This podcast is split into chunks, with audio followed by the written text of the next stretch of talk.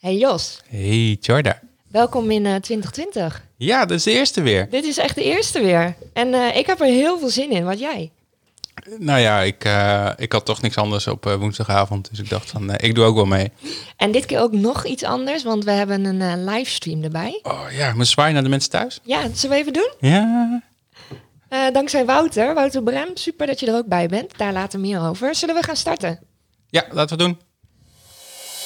This is the 20 to 12 podcast. Available via the Apple Podcast app, Google Podcasts, and Spotify. Your source of local tech and media news, live interviews with friends of the show, and lots of uneducated opinions. Presented live from Groningen, the Netherlands.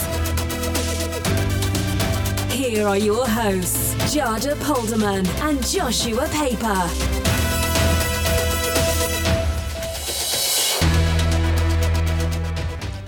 Nou, daar zijn we weer. En eh, dit keer ook weer niet alleen, want we hebben weer een eh, gevulde tafel.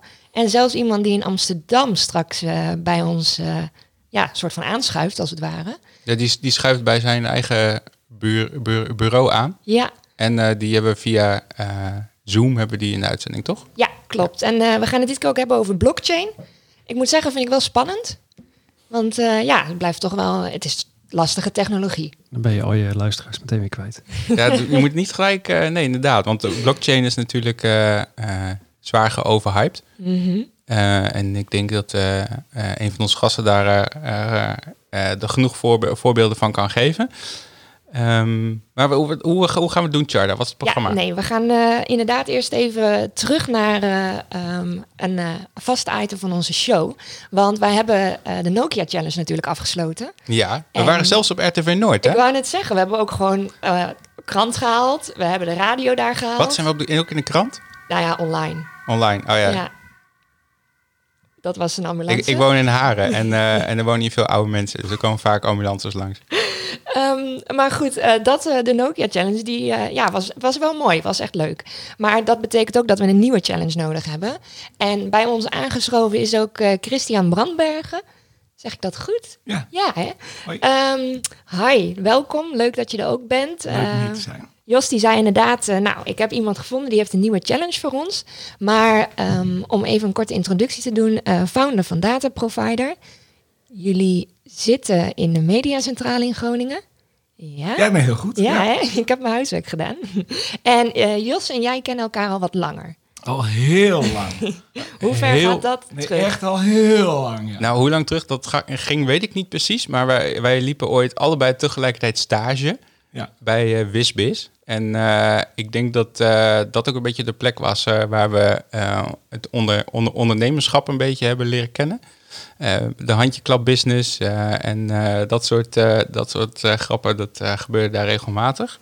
Ehm, daarna was het volgens mij zo dat wij allebei vanuit huis werkten. Ja, en werden we helemaal gek van. werden we helemaal gek van, dus gingen wij samen koffie drinken. En dan hadden we het erover dat het zo raar was als je naar de supermarkt gaat, dat het kassameisje dan wat zegt en dat dat dan zeg maar de eerste keer is dat je met iemand praat Ja. van de dag. Je moet dus echt, echt respect voor mensen die heel lang vanuit huis werken. Want ik weet inderdaad nog wel dat mijn eh, vriendin destijds, nu mijn Ja. eh, vrouw Sophie, die ging dan eh, naar haar werk toe. En dan, dan bleef je gewoon alleen thuis. En dan ging je de hele dag ging je werken, ook s'avonds. En je zag helemaal niemand. Je had ook contact met niemand. Nee. En zoals Jos net al zei, dan kom je bij de supermarkt en dan zegt in één keer het kassameisje iets. Je schrikt gewoon van wow. Ik heb gewoon contact. Ja. Ja. Ja. Ja, dat was eh, een beetje. Nou, maar toen dachten wij van we gaan eh, regelmatig koffie drinken met elkaar, zodat we toch nog iemand zien. Ja. En eh, later was Christian naar de mediacentrale verhuisd. En eh leek mij leuk om daar ook eh, heen te verhuizen. Dus toen is heel peperzaken toen ook naar de mediacentrale verhuisd. Ja. Ja, en Eh, Christian, jij zit daar nog steeds met Data ja. Toch? Ja. Wat, wat doen jullie daar? Ja, helemaal vast. Helemaal vast in het gebouw. We komen er niet meer vanaf. Nee, wij, eh, wij zijn een zoekmachine. Wij indexeren het internet in eh 50 landen. Doen we elke maand. En eh, niet zoals Google doet, maar heel gestructureerd. Dus we weten van elke website wat voor soort technologie zit erachter. Van welk Ja. bedrijf is het. Wat voor telefoonnummer staat erop. Ja. Of eh, adverteren ze op Google ja of nee. Dat soort dingen. Wat voor payment opties, Ja, alles. Ja. Wat We- we- gaaf. in Nederland zijn we, we zijn heel onbekend in Nederland. En, eh, klanten Maar zijn eigenlijk in het alleen maar buitenland Amerikaanse Nee, maar, maar het is ook niet zo dat eh, over het algemeen werken we voor wat grotere bedrijven altijd. Ja. Dus het is ook niet zo dat we honderden bedrijven als klant hebben. Nee. Dus we zijn gewoon niet zo bekend. Ja, we doen wel heel veel. Ik we, zeggen, zijn ja, met, maar- we zijn met 45 man in Ja. de tussentijd, maar we we zijn gewoon heel onbekend eigenlijk. Noem, noem eens even een paar eh, grote klanten van je. Eh, nou, de bekende, die, die al heel lang klant is, is bijvoorbeeld PayPal. Of eh, Ja. een hele grote hoster, GoDaddy. Ehm, maar ook eh eh, registries, ook Nike bijvoorbeeld. Of ehm, eh, over het algemeen hele grote multinationals die het internet ook echt nodig hebben. Maar Dus dan echt- doe je het ook echt goed. Ik bedoel, als dat soort... vind ja, vind ja vind ik ook. Ja. Dat is wel echt mooi. ja. En, eh, ehm, want eh, jij hebt inderdaad eh, eh, de Nokia Challenge wel een beetje meegekregen. ja, mooi hè? Ja, hè? Heb je hem afgemaakt trouwens? ik ik, heb zwaar gefaald. Of nou ja, falen? eh, nee. De uitkomst moeilijk, hè? was- was- Charda die had gewoon zoiets van... Ja, joh, die eh, podcast is toch al achter de rug. Waarom doe ik dit eigenlijk nog? En die heeft gewoon de volgende ochtend gewoon die simkaart weer teruggestopt. En toen was het klaar. Ja, zo erg ben je inderdaad afhankelijk van je telefoon. hè? Ja, ik vind het wel echt heel knap dat Jos het zeven dagen gewoon eh, netjes heeft afgemaakt. Ik vind het ook heel knap. Nou, wij waren aan het luisteren in de auto naar die uitzending. En wij vroegen ons ook af, als je dan WhatsApp heb je wel gebruikt, hè? Ja, maar op mijn laptop. Ja, Ja, maar hoe doet hij dit? Dan moet je toch ook je telefoon hebben, of niet? Ja, mijn telefoon die lag eh, hier boven op mijn slaapkamer op dat eh, oplaadplaatje, zeg maar. Oké. En eh, daar heb ik hem gewoon een week lang laten, laten, laten liggen. Dus, eh, en op die manier kon ik nog, nog steeds appen zonder simkaart erin, zeg maar. Je moet, je moet je telefoon dus opstarten dan, zeg maar, met simkaart. En dan moet je hem gewoon eh, daarna aan de stroom laten leggen. En dan kan je gewoon eh doorappen. Oh, oké. Heeft je iPhone dat niet door? Als je een Android-telefoon doet, dan werkt dat dus niet. Oh. Die heeft dat door. maar eh, eh, jij hebt eh, dus bedacht dat we een andere challenge gaan doen. Ja, nee, ja, die schoot mij zomaar te binnen. Ik heb hem zelf ook ooit een keer gedaan. En hij viel mij ontzettend tegen. Dus je bent nu benieuwd hoe wij het er dan van afbrengen. Ja, heel erg. Want wat gaan we doen? Nou, ehm, iedereen kent Google. Ik bedoel, alles Ja. is van Google tegenwoordig. Je browser, je zoekmachine, je e-mail, eigenlijk alles. Ehm, maar de zoekmachine is wel iets wat we het meest gebruiken. Terwijl er ook nog wel alternatieven zijn, ook al wordt die steeds kleiner. Ja. We hebben nog Bing en DuckDuckGo, maar uiteindelijk is dat eigenlijk ook weer Google, want dat zit er weer achter. En, Ja. ja, nou, Chinese zoekmachines gebruiken is een beetje gek natuurlijk. Die Baidu en zo. Ja, dat dus- vind je sowieso niet wat je, wat je Ja, dat nodig weet ik niet. Maar kijk, dat is precies het punt aan jullie zo meteen. Want de challenge is, gebruik eens een week geen Google als zoekmachine, maar wat anders. En, en maakt het dan ook nog uit of dat DuckDuckGo is of, of Bing of... Mag je helemaal zelf... Ik heb zelf in de Ja. tijd Bing gebruikt. Ja, En vooral het ding waar, waar ik destijds aan moest wennen... is dat je bent van Google bepaalde resultaten gewend. ja, Dus als ik jouw naam google, dan verwacht ik LinkedIn. Ja. En, en je Twitter-account. Of, Ja. eh, ja. Maar dat is, bij, dat is bij Bing is dat gewoon anders gesorteerd. Het zijn nog steeds goede resultaten hoor. ja. Alleen niet wat je verwacht. Gebruik je het dan nu nog? Nee, ik ben weer terug gaan naar Google. Ja, dat, is- ja. En, eh, het zit gewoon zo goed in ik- elkaar. ja, want eh, ik eh, gebruik natuurlijk voor mijn werk heel veel eh, eh, Google. Ja. Voor de marketing. dus verwacht je dan ook dat ik dan dat ook niet voor mijn werk ga gebruiken? Is het... Is het überhaupt mogelijk bij jouw werk? Nee. Nee hè? nee. Dus dan moet je weer een week vrij nemen, Charda. En dan moet je dan weer, zeg maar, de challenge gaan doen in de week dat je niet aan het werk bent. Ja, want hij is wel, je zet hem wel voor weer zeven dagen. Ja. Ja. ja. Maar je zou het eigenlijk eens een maand moeten doen. Maar begin maar eens met zeven dagen. Ik wou net zeggen, laten we eens eh, eh, klein beginnen.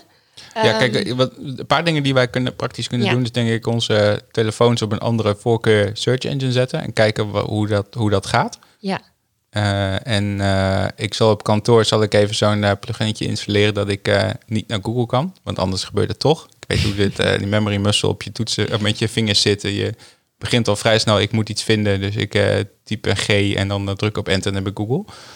Ehm, maar eh, ja, Bing denk ik dat ik ga doen. En dit is alleen nog Dat maar de de- zoekmachine. Maar ik zag dus een, eh, een, een, een interview van iemand en die heeft alle producten van Google uit haar leven had ze die gegooid. zo. En eh, ja, maar dan kom je er dus pas achter hoe, hoe ons, zij werd honderdduizend keer per dag werd ze gequeried door iets van Google. Wow. Dus als je naar een website gaat, dat Ja. gebruikt bijvoorbeeld eh Fonds van Google. Ja. hè? Zo'n CDN Ja. dat ze daarvoor hebben. Ja, Eh, je- e-mail, je denkt aan alle reclame overal. Je wordt overal word je online gevolgd. ja, En zij had dat uitgezet. En dan zie je pas hoe, hoe ontzettend verweven je leven is met. Google. En het wordt alleen maar erger. Kijk maar naar dit huis. Neem ja. eh, Joshua heeft slimme speakers waarschijnlijk klopt. hier. Ja, En, eh, maar Google heeft tegenwoordig ook eh, Nest overgenomen. Dus ze hebben al die brandmelders, camera's, deurbellen. ja. Dus ze zitten helemaal, eh, ze komen steeds dichterbij. Oh, ik ben heel benieuwd. Jos, gaan we dit aankomende week al doen? Of wat zeg je ervan? Ik, eh, ik begin gewoon morgen, dan ben ik er eerder vanaf. ja. Ik doe met je mee. Jij Echt? gaat ook, Ja, nou, dan nee, gaan we ik ga- jou ik ga ook weer weer met je bellen. mee. Ja, Dat is goed. ik ben heel benieuwd. Ik, Oké, we starten morgen dus. Nou, ik wel. Maar Ja. misschien moet jij even met je baas overleggen of je een weekje vrij kan nemen. Nou ja, ik zit vanaf morgen sowieso in Rotterdam. eh, dus ik ben Maar daar hebben ze geen. Google. Nou jawel, maar Zullen we dan zo, ik ga dan Yandex gebruiken. Wat is Yandex? Yandex? Dat is de, de ook, Russische ja. zoekmachine, Yandex. Oh. En dan eh, doe jij... eh, nou, zo- hè, mag jij DuckDuckGo? Nee, de- nee, Bing. Ja, Bing. Want Bing. ik begreep ook, je hebt ook dat Ja. startpage, daar heb ik ook wel eens mee gezocht. Maar dan zoek je eigenlijk gewoon via Google, begreep ik. Ja, dus je moet Dus Bing dat doen, is- die heeft zijn eigen ja. index. Ja, en maar ja, Maar dat is ook zo gek, hè? Als je gewoon wereldwijd kijkt. Je hebt in Amerika heeft Google. Eh, in, in China hebben ze, hebben ze Baidu. Hè? Ja. Rusland heeft Yandex. En wat heeft Europa dan? Ja, de Fransen Ja. hebben iets. Ik ben alweer vergeten hoe Nou, die vroeger hadden wij Ilse, een Ja. startpagina. Ja, dat dat weet ik Dat nog was wel wel. echt lang geleden. Ja, We hebben een klein taalgebied, maar ik ben twee jaar geleden al aan jullie challenge begonnen. Ik ben al twee jaar eh, Google Search vrij. Behalve een heel enkele uitzonderlijke keer als ik denk, ik heb het toch ooit zes jaar geleden een keer gevonden. Waarom vind ik het nou niet met DuckDuckGo? Eh dat doet het steeds beter voor mij. Dus ik denk dat het eh, nog wel mee zou kunnen vallen. Die ervaring de komende ik, week. ik denk dat ik voor Bing ga. Wat doe Ja. jij dan, Charda? Ja, ik wil eigenlijk ook Bing. Oh. Oké, ik doe, Maar dat- ik doe eh, de rest van deze week doe ik Bing en doe ik Ja. volgende week doe ik wel DuckDuckGo. En dan, eh, oh, dan kunnen we hem in de volgende eh, episode gaan we dit dus weer eh, ja, kijken hoe we, wat we Zien daarvan vonden. Ja. Ik ben echt heel benieuwd. Christian, jij blijft sowieso zitten. Ja. Eh, leuk, want eh, we gaan het eh, ook hebben over het volgende. En ja, jullie zeggen al, oké, straks haken de luisteraars af. Maar ja, we gaan het toch echt hebben over blockchain. En eh, ehm, de reden waarom is, eh, ik heb een Twitterbericht geplaatst. Ehm, want ja, ik was wel benieuwd. Eh, met werk hebben we het er natuurlijk ook wel over. ehm, met ons marketingbureau. Ehm, ja, wat zijn daar de toepassingen voor? Dat ging een beetje spelen. En toen dacht ik inderdaad, oké, wat, wat kun je er eigenlijk allemaal mee? Eh, blockchain zet ik eigenlijk eh, hand in hand met cryptocurrency. Maar je hebt natuurlijk veel meer toepassingen. En Liekle zit bij ons aan tafel. Liekle Ja. de Vries, welkom. Jij reageerde daar best wel snel op. Ja, ik had even niks te doen, denk ik. Nee, ik heb ook zo'n melding, net zoals Christian. Als iemand iets zegt over blockchain, dan krijgt Ik het... krijg het te zien. Ja. Ja, want in jouw eh, Twitter-bio, eh, ik ging natuurlijk meteen kijken, staat ook eh, blockchain-realist. ja, en eh, jij houdt je Dat is ook een podcast, hè? Wist je dat? het is ook een podcast, jazeker. Is dat jouw podcast? Eh, van mij en Ronald Mulder. Ja, Ja, zeker. Al eh, iets meer dan een jaar ondertussen. Ja. Er komt een linkje, linkje in de show, show notes. Oké, hartstikke tof. Apenstaartje BC Realisten op Twitter. Ehm, en we hebben de afgelopen jaren heel veel Nederlandse spelers in de wereld van blockchain en cryptocurrencies eh, geïnterviewd. Ja, Ehm, dus als je daar wat meer van wil weten, dan is dat een leuke plek om je verder te verdiepen nadat je deze podcast eh, doorstaan hebt. wat gaaf. Want eh, nou ja, dat is natuurlijk niet het enige wat jij de hele dag doet. Wat, waar kunnen we jou nog meer vinden? Ehm, nou, op dit moment vooral daar. En bij eh Noorderlink, waar ik eh, allerlei events organiseer voor de aangesloten organisaties. Dat zijn de 45 grootste werkgevers van Noord-Nederland. Dan gaat het heel erg over HRM en digitalisering en alles wat dat soort grote organisaties raakt. Dus hè, wat, al het soort eh nieuwe wetsigheid waar jullie mee bezig zijn, dat is vaak voor hun nog best wel een beetje om buikpijn van te krijgen. Nou, daar probeer bij te helpen. En ehm, ik heb samen met Ronald de afgelopen jaren veel aandacht besteed aan blockchain en cryptocurrencies. En eh, in de loop van dit jaar hoop ik eh, dat weer wat breder te gaan doen naar überhaupt de impact van digitalisering op organisaties, op ons leven. Maar goed, dan wordt het heel Ja. vaag. Je hebt me gevraagd voor iets concreets, dus laten we het daarover hebben. Mag, Ja, mag ik nog eh, één, één ding even vragen? Uiteraard. Wat, is, wat is het, eh, want wat, wat, wat, wat, wat doen jullie met de blockchain eh, realisten precies? Want ik zie allemaal logo's op jullie, zag Ja. ik op jullie website staan, zoals onder andere Euro, Eurosonic Noorderslag. Mm. Eh de SMC 050, die kennen we allemaal wel. Eh, maar eh, ik zag ook de Rabobank en Schiphol. Ja. En Wij hebben, even denken, het is, een, het is een lange geschiedenis. Die begon in 2013 toen we Rutger van Zuidam interviewden voor onze eigen podcast Schepen aan de Horizon. Dat is er nog één die we in het verleden gemaakt hebben. Ehm, omdat wij eh 2011 of zo hoorden we ook van Bitcoin en dachten we, wat is dat nou? En toen Ja. Tijdje later ontdekten we dat Rutger daar al helemaal ingedoken was. Dus die hebben dat even tot ons dat toen voor het eerst uitgelegd. In 2014 heb ik samen met Rutger en Sebas van der Brink en Patrick Loonstra een uitlegfilmpje gemaakt. Bitcoin Properly. Wat, dat is zo eh, ongeveer de de facto uitlegvideo volgens mij van het hele internet. Ja, dit, hij, heeft, hij heeft bijna een miljoen plays in de Engelse versie. En eh, als je erop gaat zoeken, dan zijn er tientallen anderstalige varianten van gemaakt. Die waarvan ik niet zeker weet of ze hetzelfde zeggen als die van ons. Want ik kan niet alles verstaan. Maar dat, we waren er vroeg bij met die uitlegvideo. En sindsdien ehm, zijn Ronald en ik met z'n tweeën vooral bezig geweest om het uit te leggen. Ja, Wat is het dan, eh, cryptocurrencies? En wat is dat dan, blockchain? En wat zou je ermee kunnen? want dat merk je waarschijnlijk wel veel, dat je het Ja. echt uit moet leggen, omdat het gewoon best een- lastige materie is. Het is een totaal ander ding dan waar iedereen aan gewend is. Ja, Ehm, en dat heeft dus ook geleid tot allerlei projecties van, oh, maar dan kunnen we. Nou, vul maar iets eh, waanzinnigs in. En dat was de reden waarom we ons eh, een tijdje geleden de blockchain realisten zijn gaan noemen. Want er waren Ja. echt gewoon, er werden zoveel poepverhalen verteld over hoe het dan de wereld anders ging maken. Dat we dachten, nou hallo, zo schiet het ook niet op. Je moet wel een beetje realistisch blijven en een beetje concrete toepassingen zoeken. En het is gewoon zulke nieuwe technologie dat eh, heel veel dingen wel bedacht kunnen worden, maar gewoon nog niet uitvoerbaar blijken. Of veel minder makkelijk uitvoerbaar blijken dan je hoopt. ja, Dus dat duurt gewoon heel lang. Ja, Dus daarom noemen we ons een tijdje al blockchain realisten. En we waren iets te realistisch, want in 2017 gaf ik lezingen over blockchain. En begon ik eigenlijk altijd met de Gartner Hype Cycle. Hè, Die Ja, is, ja. is denk ik bij Ja, jullie bekend we, en ook bij Ja, ons ja. publiek. zeker. Elke nieuwe technologie heeft zo'n fase waarin het helemaal gehyped wordt en waar het daarna tegenvalt en dan weer vijf tot tien jaar later blijkt het toch ergens nuttig voor te zijn geweest. In 2016, 2017 riep ik al, denk erom, eind 2018, begin 2019 zitten we in dat dal van de teleurstelling. Ja, Ik had er alleen even niet aan gedacht dat mensen dan dus ook geen lezingen over blockchain willen hebben. Omdat iedereen denkt, nou dat is geweest. Dus eh, vandaar dat je de laatste tijd iets minder over ons hoort. Maar wij eh, zijn, omdat we zo vroeg begonnen zijn, goed aangehaakt bij eh, eigenlijk alle Nederlandse spelers die hier wat mee doen. ja. En die vinden het superleuk om daarover te vertellen. Dus die podcast van ons, die blijft gewoon doorlopen. Mhm.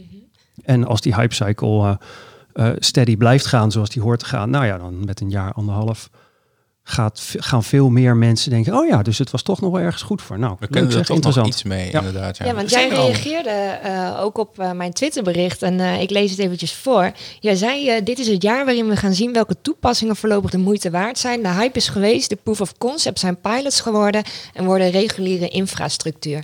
En dat, dat verwacht jij ook van de blockchain technologie van... Ja, dat is in, in de brede zin eh, eh, ehm, wat ik verwacht voor blockchain. Ja. Ehm, dat we in de loop van dit jaar en, en volgend jaar gaan ontdekken, oké, dus daar is het nuttig voor. Ja, En daar maakt het ook echt een verschil ten opzichte van al die fantastische technologie die we al hebben. ja, Ehm, en verder eh, voor cryptocurrencies. Dat, eigenlijk zijn dat twee heel verschillende verhalen om te vullen. Vind ik hartstikke leuk om nu ook te doen, maar die moeten we straks misschien een beetje uit elkaar peuteren. Nou, ik denk dat de, dat de bekendste implementatie van een blockchain, dat is de bitcoin. Ja, Eh, en en, Mhm. en eh, voor de rest is het natuurlijk gewoon een losstaande technologie. Maar ehm, om, om de blockchain van de, van de, achter de bitcoin aan de draai te houden, eh, is er een soort van coin aangekoppeld volgens mij. Want eh, k- k- Ja, zou je ze nou, heel, ik- heel kort ja. kunnen uitleggen wat een blockchain is en wat het, eh, waar de eh, blockchain technologie losgeknipt zou kunnen worden van een eh, cryptocurrency als, als de bitcoin? Ja, nou dat is denk ik precies inderdaad het punt waar we de definitie van blockchain moeten geven. Ondertussen denk ik dat blockchain, eh, eh, als je vraagt wat het is, zeg, eh, moet mijn antwoord zijn, het is het ding wat ervoor zorgt dat bitcoin kan bestaan. En dat is de enige functie die blockchain eigenlijk heeft. Bitcoin is een keer bedacht door hè, Satoshi Nakamoto. We weten niet wie of welke personen dat dan zijn.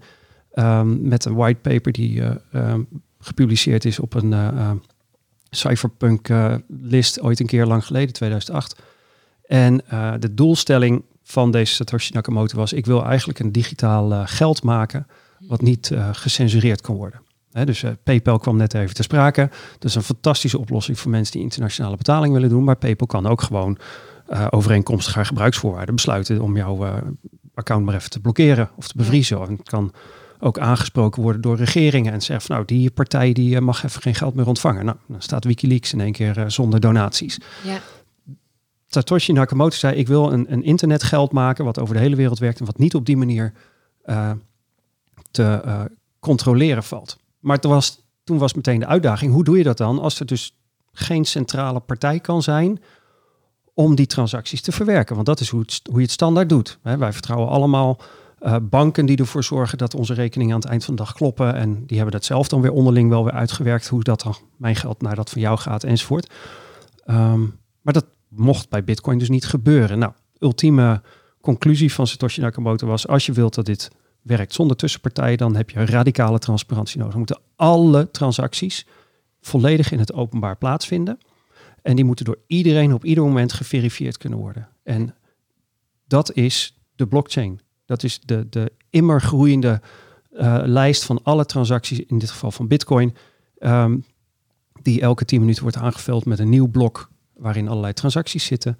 En die je dus tot aan het allereerste begin van Bitcoin terug kunt zoeken. En is dat dan zo, want je zegt dan dat blok en waar alle transacties in zitten, en dan is het zo dat jij moet hem dan verifiëren, maar zowel Josje als ik moeten dat dan ook doen? Uh, nou, de grap is natuurlijk, de software zorgt ervoor dat wij dat niet met de hand hoeven doen. Mhm. Maar de insteek is dat als je het zelf wilt kunnen controleren, als je het zelf wilt controleren, dan kan dat. Um, en dan hoeft niemand ik, anders. Heb, hoeft, ik heb net even hoef je op niemand te, te, vertrouwen. Dat betekent wel dat je 250 gigabyte aan transacties moet downloaden om even te controleren of jouw transactie ook klopt. Als jij, jouw, als jij een volledige uh, kopie van de blockchain van Bitcoin wil downloaden, dan is het zoveel. Uh, het groeit ook aardig hard. en dat, zeggen, dat groeit hard. Nou ja, eindeloos. hij besteedt er in de whitepaper ook aandacht aan. En dan maakt hij een inschatting van hoe dat gaat met de ontwikkeling van uh, opslagcapaciteit en de kostprijs daarvan. En denkt van nou, volgens mij gaat het wel goed komen, ja, zegt hij. Kijk, in en de 2008 was 250 gig natuurlijk veel, maar ja. tegenwoordig kan dat wel. Um, maar ondertussen, uh, de meeste mensen die uh, Bitcoin kopen of verkopen, gebruiken daar een app of iets anders voor die niet die volledige blockchain downloadt, maar die dan toch wel weer leunt op het, het, het controlewerk wat andere partijen in het netwerk al gedaan hebben. Maar de, de, de, essentie is, als je het wilt controleren, dan kan dat. Dan kun je echt tot de allereerste transactie terugzoeken waar jouw beetje bitcoin vandaan komt. Ja. En uh, om het meteen maar even scherp te zetten, dit, is, uh, dit zijn flink veel gigabytes.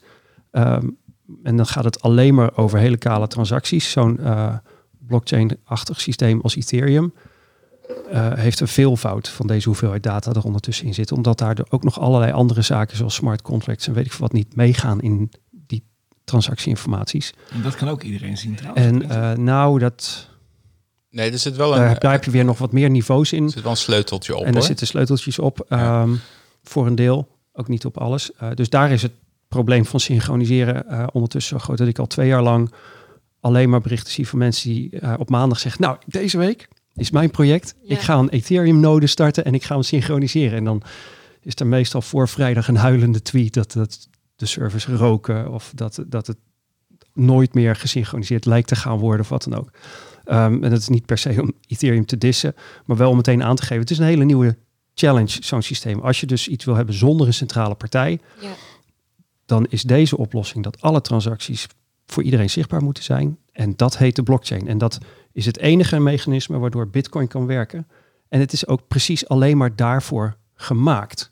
Ja, want hoe zit het dan? En met daar dat? zit hem dus meteen ja. de, de, de, de, de, de moeilijkheid. Want iedereen die dat zag, die dacht: oh wauw, als dat kan, ja.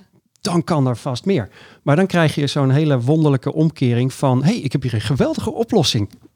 Is dit een probleem waar die op past? Is dat een probleem waar die op past? En dat is natuurlijk niet zo. Dit was helemaal tailor-made voor uh, de use case van Bitcoin. Ja, want inderdaad... Een digitale anonieme transactie, uh, cash. De, de, ja. Ik vind de allermooiste dat je um, IBM bijvoorbeeld, die heeft die Hyperledger uh, van hun. Dat is ook een blockchain natuurlijk. Zeggen ze. Ja. zeggen ze. Um, en het allermooiste is dat ze die private aanbieden. Ja. Dus dan kun je een private blockchain maken. En dan denk ik altijd bij mezelf van, zou het niet veel makkelijker zijn om gewoon een database server neer te zetten en daar je transacties in te ja, proppen? Natuurlijk. Maar is het dan ook niet de hype van uh, blockchain om dat dan te noemen? Nou, ik denk dat, uh, dat uh, veel van die grote corporates die willen graag ook hip en meedoen. Mm -hmm. En uh, ik, ik, ik denk dat als je al een circle of trust hebt, zeg maar zoals banken met elkaar dat hebben, dan is het ook niet echt technisch nodig om een blockchain te gaan nee, introduceren. Dat, wordt alleen maar heel punt. moeilijk van. Dat is het hele punt. En dan, we, we gaan er nu met zeven mijlslaars doorheen, maar dat is een beetje de ontwikkeling die de afgelopen tien jaar in de wereld heeft plaatsgevonden. Dat, dat is ook een Dunning-Kruger effect. Hè. Dat het op, op dag twee dat er uh, uh, bitcoin bestond, uh, had nog niemand ervan gehoord. Nog Den, Dunning-Kruger effect even voor dat is de dat luisteraars. Je, hoe minder je ervan weet, hoe meer je denkt ervan te snappen. Dus toen langzaamaan in 2011 bitcoin als, als cryptocurrency een beetje bekend werd, mm -hmm. toen waren er allerlei mensen, oh wat een gaaf idee, maar wat jammer dat het dit of dat niet kan. Ja. En je dacht, oh maar dan ga, dan ga ik gewoon bouwen.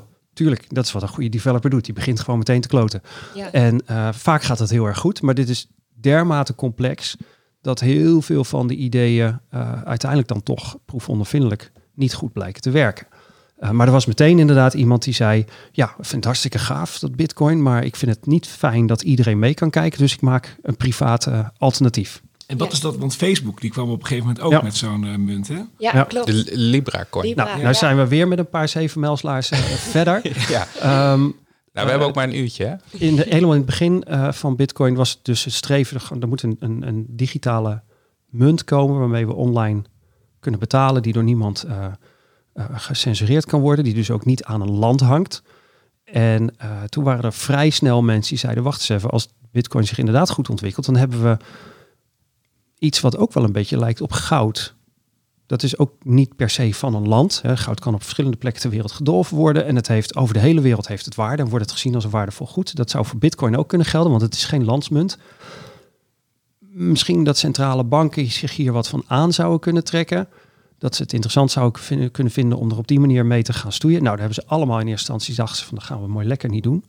Dat hoeft namelijk trouwens ook niet, want we zijn de centrale bank. Dus we doen wel gewoon een dikke database met een, een digitale variant van geld. Maar daar hebben we geen blockchain nodig.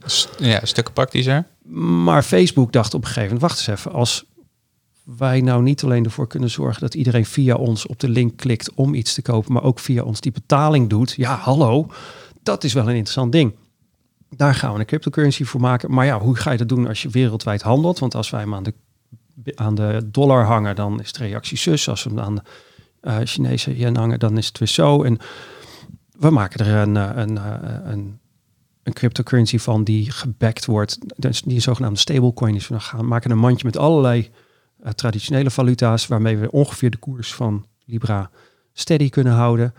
Zodat als je in Roemenië Libra's uitgeeft, dat dat ongeveer hetzelfde waard is als wanneer je het in Nederland of in Verenigde Staten doet. Nou, uh, de hoofdeconoom van blockchain realist Ronald Mulder, die uh, moest echt huilen van het lachen toen hij dit idee voor het eerst zag. Want iedere econoom weet dat dat dan alle zwakke economieën die Libra munt gaan kopen omdat die sterker is dan hun eigen munt. Dus dan loopt je systeem leeg.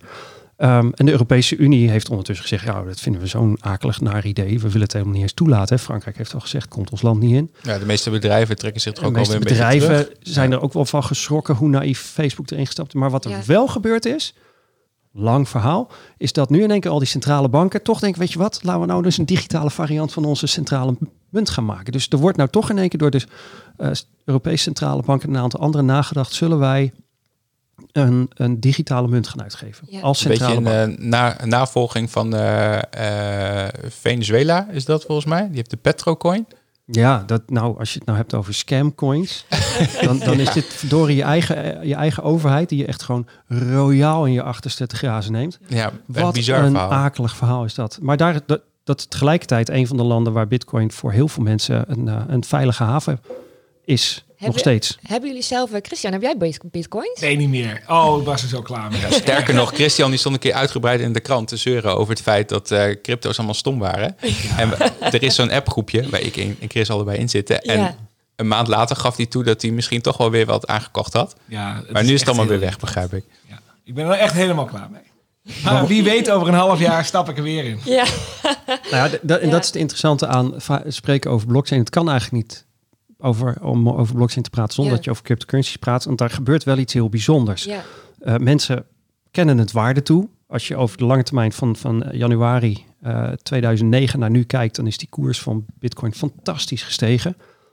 Maar onderweg is die zo spectaculair omhoog en omlaag gaan dat de meeste mensen gewoon wagenziek uitgestapt zijn. Ja. Dan denk je, dat hou ik gewoon niet vol. Maar als je het gewoon koopt en je laat het gewoon tien jaar liggen, dan ben je wel spekkoper. He, want dat is de koers vandaag uh, 7000 euro of zo. Ja, zoiets. Ten opzichte van ja. bijna 0 cent in 2009. Was, sterker nog, het is even 12% hoger dan gisteren. Ja. Dus Nou, dat, is, uh, dat gaat wel hard hoor. En, en, maar dat, dat is het punt. Van dag tot dag kan het enorm bewegen. En daar Ja. kun je natuurlijk geld mee verdienen. Ja. Uh, Het maar is een heel mooi bruggetje volgens daar mij. krijg je ook, maag, Ja. ook smaagsferen van. Uh, dus ik zou het niet aanraden. Maar op de lange termijn is zo'n cryptocurrency als bitcoin Ja. kennelijk toch voor een aantal mensen wel een interessante manier om wat extra geld te genereren.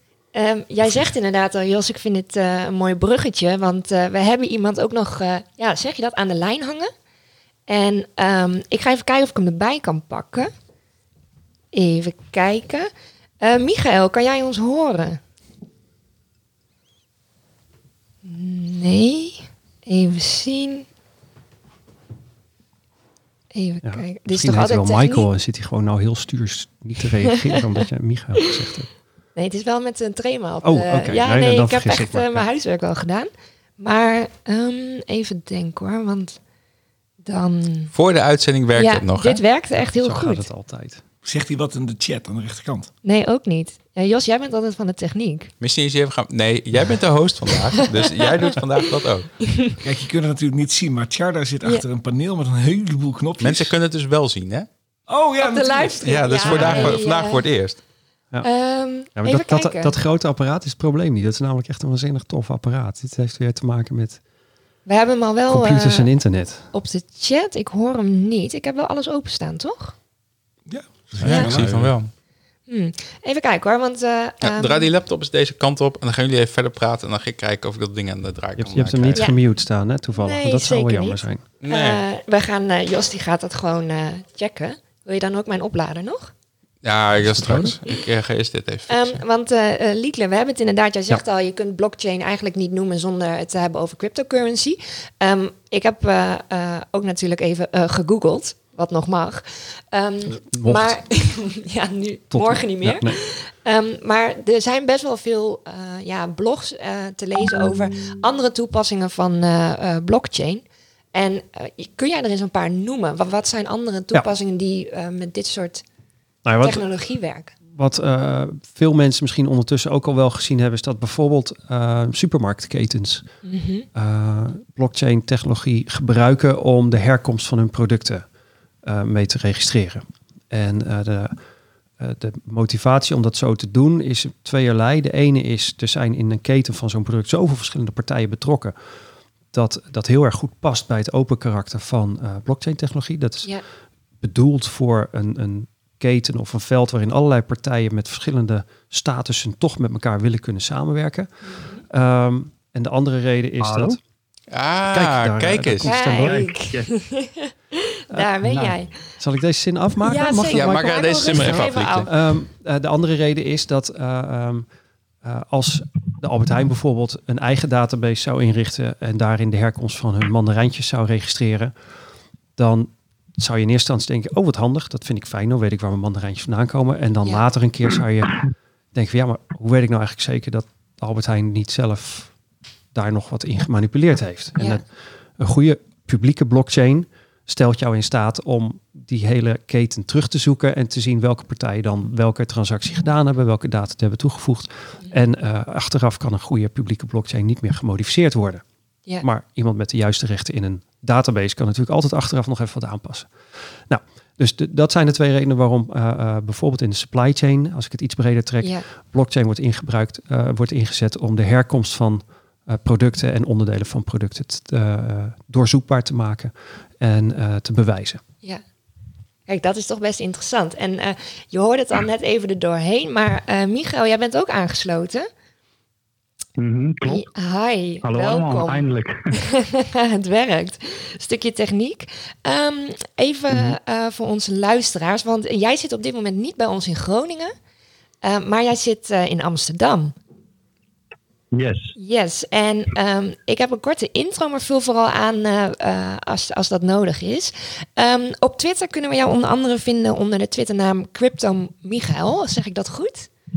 Yes, het is Michael. Ja, Michael mag ook, maar eh, officieel is het Michael. En, eh, 46.000 ja. volgers, hè? Dat is niet missen. Nou, dat doet hij beter dan ik. Ja, ook beter dan ik, ja.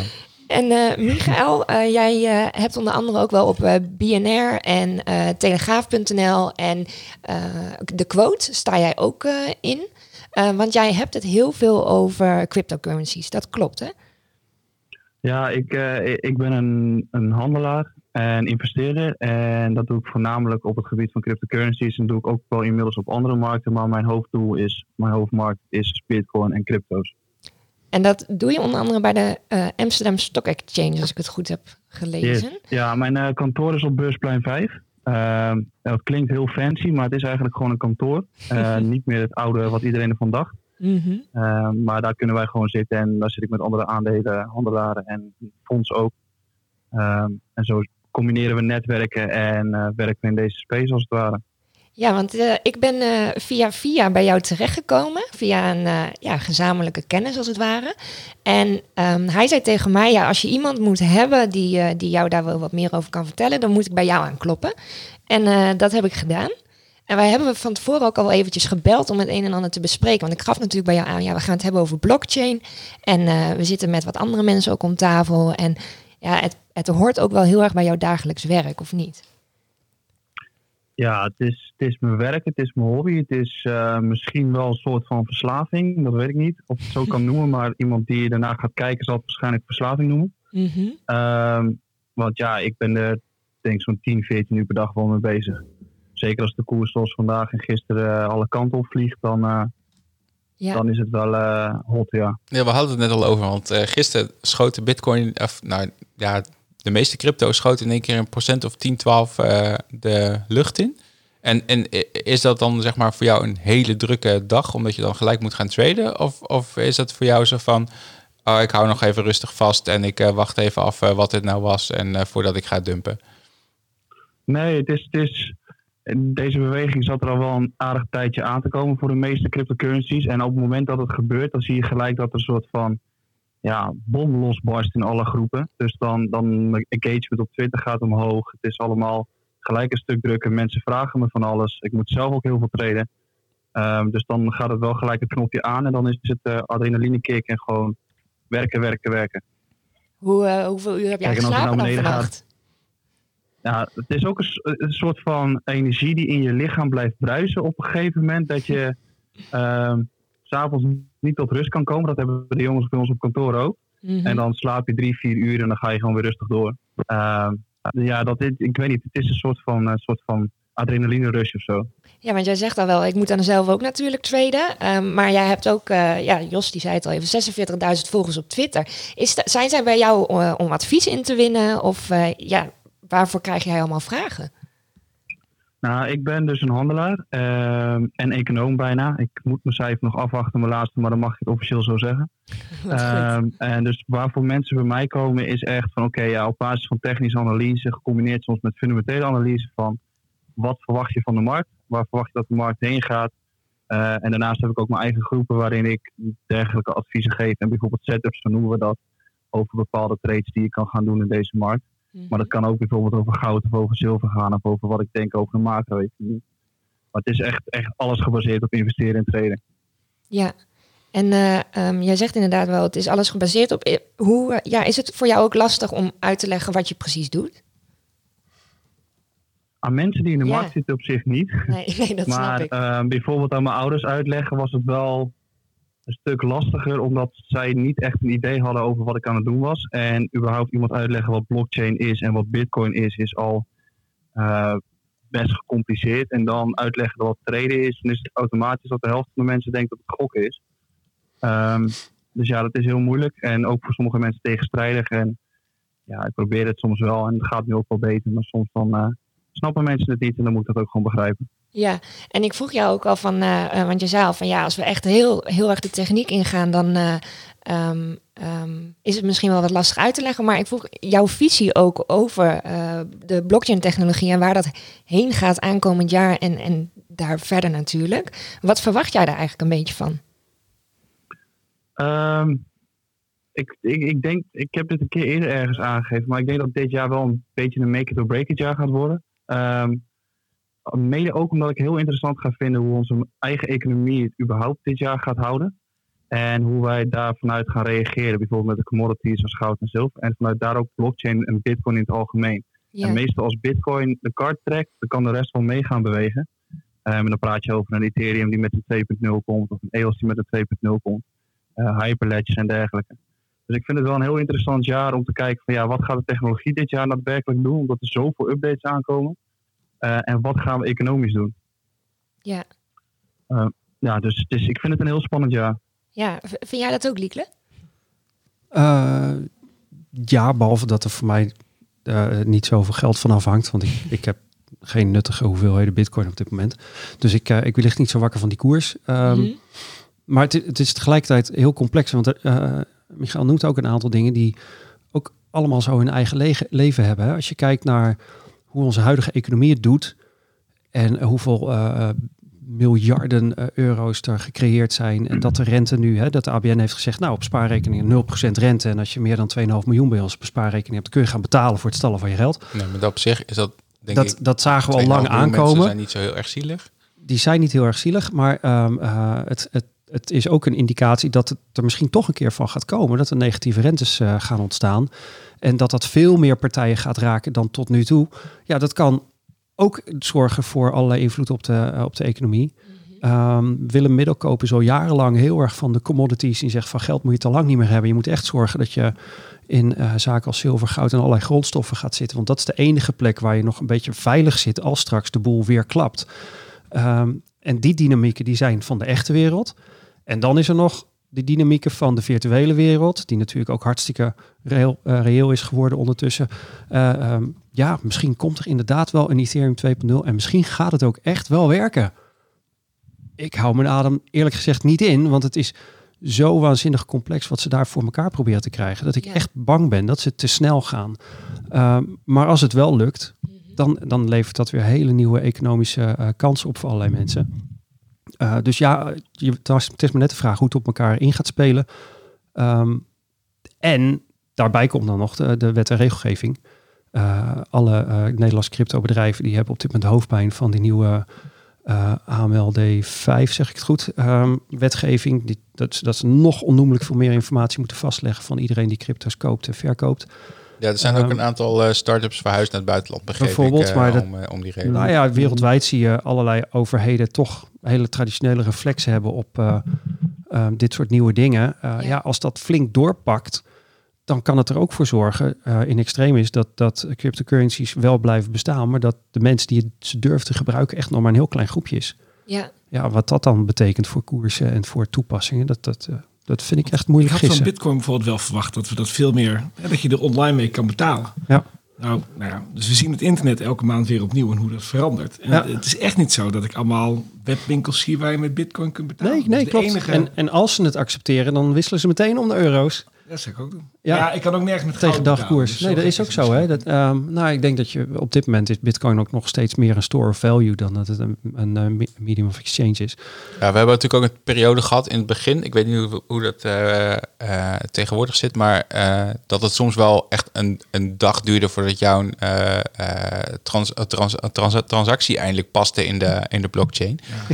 En ik, ik, ik, weet nog wel dat, dat, de, koffie probeert te kopen. dat de Bitcoin inderdaad op 20k stond of zo. En ik eh, stond helemaal klaar om alles te dumpen. Want ik dacht van nou, dit zo hoog komt het nooit en nooit weer. En eh, twee dagen later, toen er uiteindelijk eh, wat ruimte begon te komen om mijn transactie door te krijgen, was hij alweer de helft. Ehm, dus ik weet niet hoe dat, hoe dat nu zit. Want hoe gaat het bij jullie met dat traden dan, Michiel? Mike? Nee? Michael. Michael, ja. Is, is, het dan zo dat... Want, want jullie moeten vrij, vrij snel handelen, denk ik. Ja, maar het staat allemaal op de exchange. Dus het gaat gewoon uh, in een paar van seconden of minder dan een seconde zelfs. Dus daar hebben wij geen last van. Tenzij je het vanuit een ledje wilt halen en op de exchange wil zetten, dan heb je een transactietijd. Uh, en dat duurt ja, sommige uren. Het ligt er ook aan welke, welke crypto je gebruikt. Als je bijvoorbeeld Ripple of Litecoin gebruikt, dan is het een paar minuten of een minuut. Ja. Ik ben, ik ben misschien, misschien is dit een hele rare vraag, maar Micho, hoe ziet, er een, hoe ziet een dag er voor jou uit precies?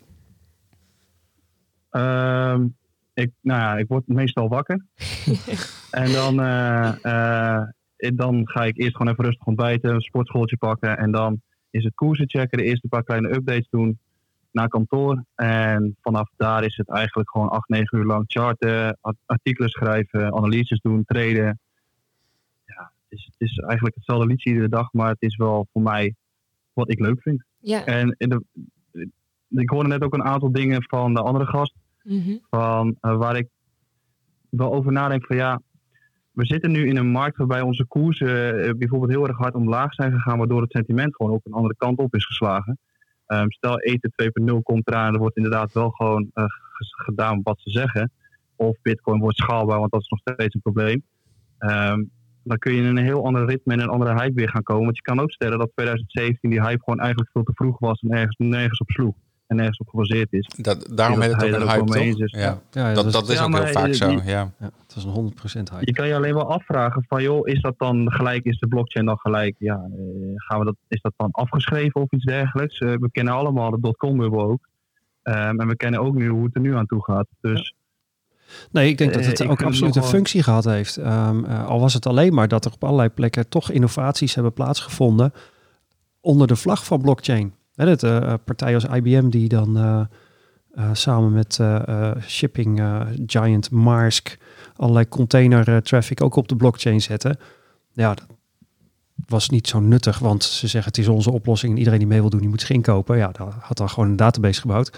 Eh, maar omdat het blockchain was, zeggen allerlei professionals uit die wereld. in de tussentijd hebben we ook allerlei andere broodnodige innovaties doorgevoerd waar we al tien jaar om zaten te zeuren. Die zijn er nu allemaal. Dus de hype heeft, heeft awareness gebouwd. De hype heeft allerlei mensen eh, naar dit onderwerp getrokken om nieuwe dingen te bouwen. De hype heeft een aantal mensen ook eh, financieel zelfstandig gemaakt, zodat ze in vrijheid kunnen kiezen eh, wat ze doen. Nou, dat is een, een geschenk voor iedereen, denk ik. Hoop ik. Trouwens, eigenlijk, het kan ook spannend zijn.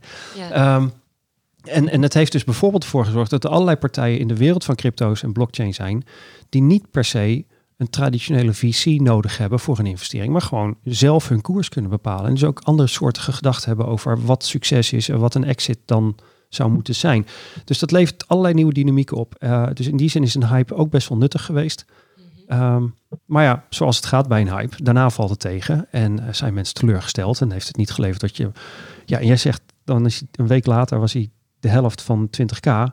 Maar ik weet niet waar je het voor gekocht hebt. Hopelijk nog, Ja, voor nog minder. veel minder. Ja, nee, joh, een stuk, een stuk, een stuk minder. Dus Dus ik was je nog stond steeds er nog blij. steeds goed uit. Ja, precies. Nou, maar ik, had, ik was nu wel op het punt dat ik dacht van, nou, nee, nou, nou wil ik het ook niet meer verkopen. ik wacht wel weer tot het weer op 20 staat. Maar dat, dat, eh, Nou, dat, is, weet, dat is altijd lastig. Maar ik zit niet in zo'n appgroepje eh, die, die eh, zeg maar, eh, die, want, want die, die heb je ook, hè, van die te- Ja. te- Telegram groups waar je kan inkopen en dan krijg je dat soort, dat soort trading informatie. En dan weet je een beetje wat eraan zit te komen. Maar is, is, is, is, is dat ook, zeg maar, jij, jij bent zo iemand die dat voedt, of niet?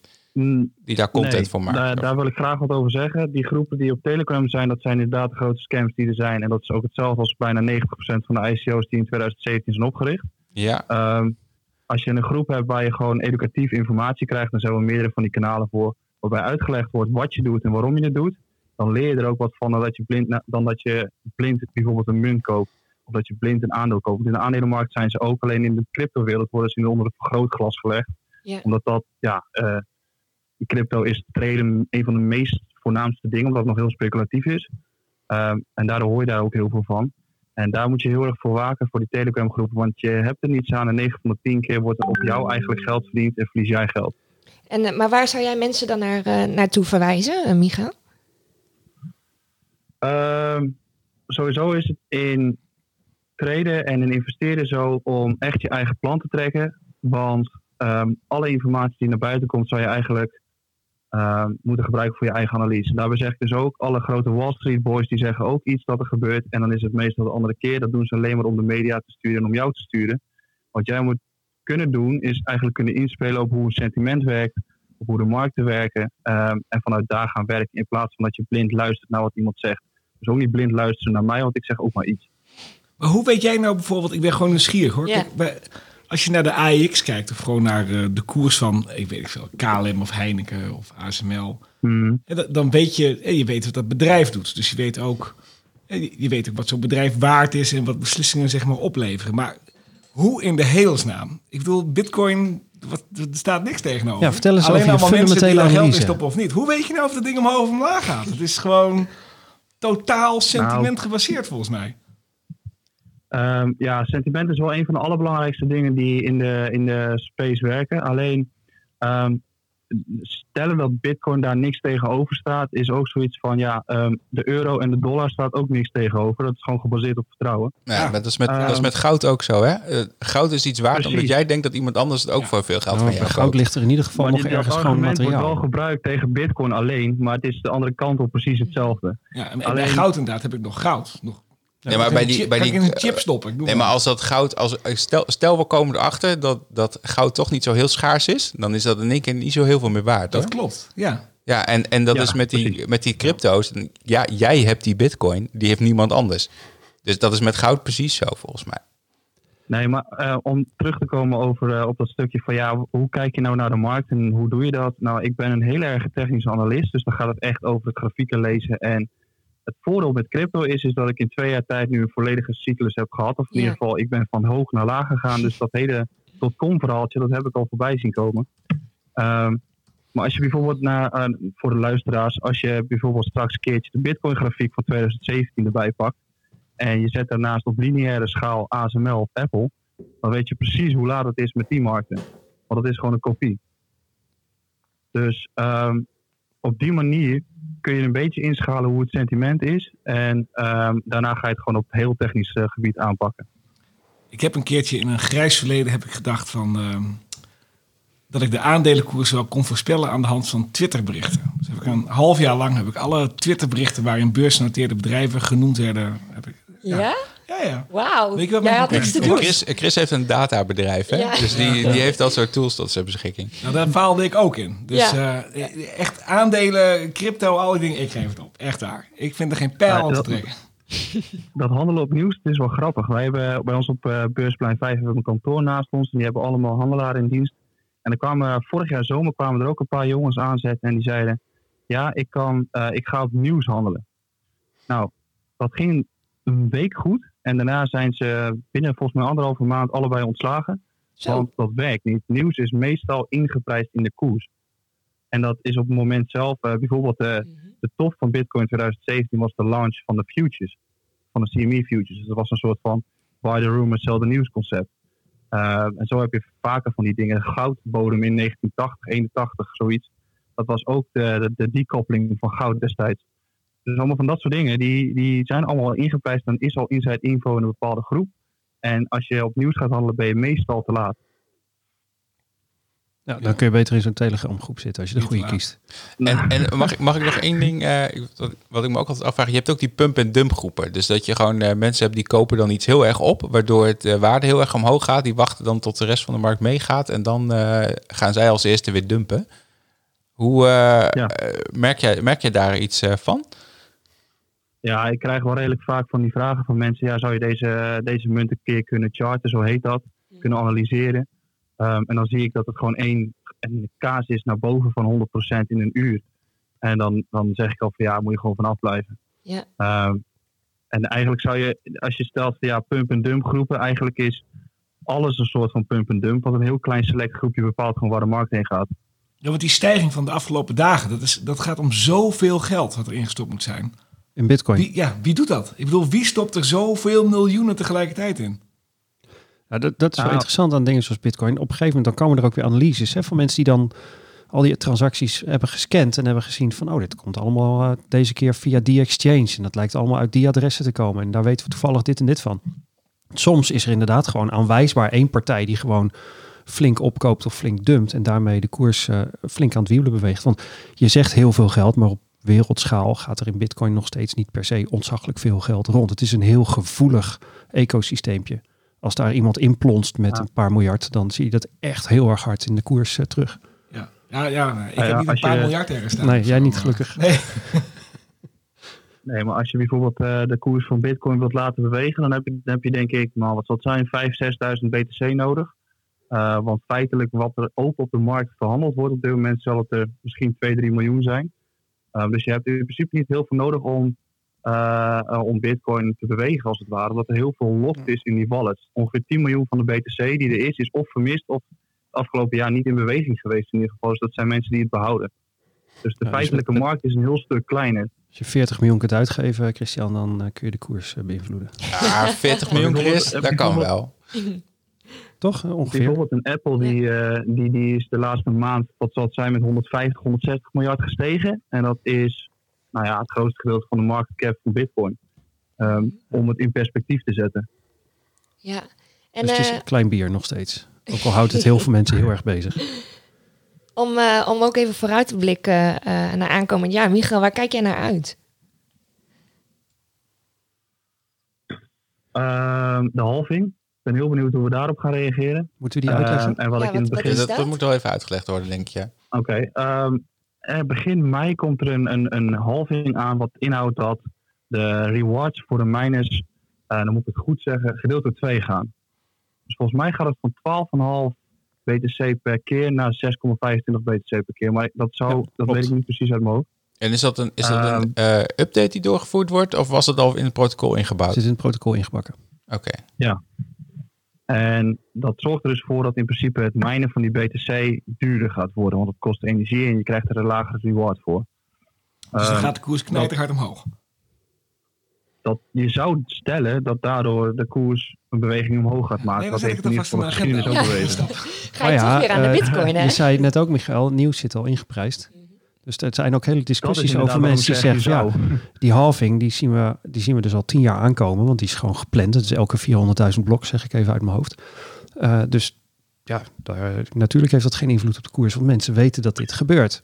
Nou, ik weet niet, er zijn andere mensen ja, dat Nou, ik wist dit niet en ik heb ook wel van die bitcoins. Dus dat betreft. Ja, maar als ik een miner ben en dan krijg ik in één keer de helft, dan denk ik van ja, dag. Nou, je krijgt niet in één keer de helft. Je weet precies wanneer je de helft gaat krijgen. Eh, dus je kunt er gewoon Ja. eh, je business op runnen. En, en je aankoop van hardware en eh, het kiezen van een locatie waar je energie gaat verstoken. eh, optimaliseren op nou, je economische eh, afwegingen. Dat, en dat hebben we de afgelopen jaren zien gebeuren. Hè. Een jaar of drie geleden zaten ze wat alle miners nog in, in China leek het. En ondertussen hebben we ook in, in Canada en de Verenigde Staten een hele nieuwe farms zien ontstaan waarvan je vier jaar geleden dacht dat is helemaal niet logisch om dat daar te doen, dat is te duur. Maar kennelijk hebben deze partijen besloten dat het misschien ook wel in het licht van de komende halving eh, met de nieuwe hardware die ze konden kopen, dat het wel uit kan. Het, ga- het gaat ook lekker met de stroomrekening, eh, begreep ik, hè? Dat gaat... eh, Ja, daar gaat, daar gaat een waanzinnige hoeveelheid energie doorheen om, om al die sommetjes te maken. Ehm, en er staan steeds vaker miners in de buurt van renewable resources, waterkrachtcentrales en, en noem dat maar op. Dus nog niet allemaal helaas. Er wordt vast ook nog wel kolen verstookt om bitcoin Is, dit- is, dit, te eh. Maar eh, is dit ook voor jou aankomend jaar een, eh, een belangrijk punt? Of zeg je, ik focus me heel erg anders op? Nou, ja, ik weet het niet. Ehm, de halving gaat misschien wel inderdaad eh, een aantal mensen eh, ehm, helpen met besluiten wat nou de waarschijnlijke economische theorie rondom Bitcoin is. Hè? Want er wordt nog steeds een beetje gerommeld over.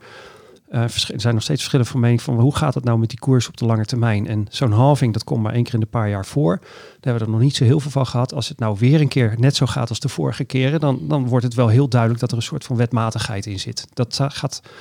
En als dat niet gebeurt, nou, dan ligt het hele Ja. veld weer open. Mm. Dus dat gaat heel interessant zijn om dat te zien. Ehm, verder, eh, hè, we hebben sinds vorig jaar bovenop het Bitcoin-netwerk hebben we het Lightning-netwerk, wat eh, een, een schier oneindige capaciteit heeft voor transacties en ook razendsnel is. Nou, dat heeft langzaamaan ook een grotere adoptie gekregen. Als dat dit jaar ook doorzet, dan, dan gaat dat gewoon voor het gebruiksgemak van allerlei partijen heel veel schelen.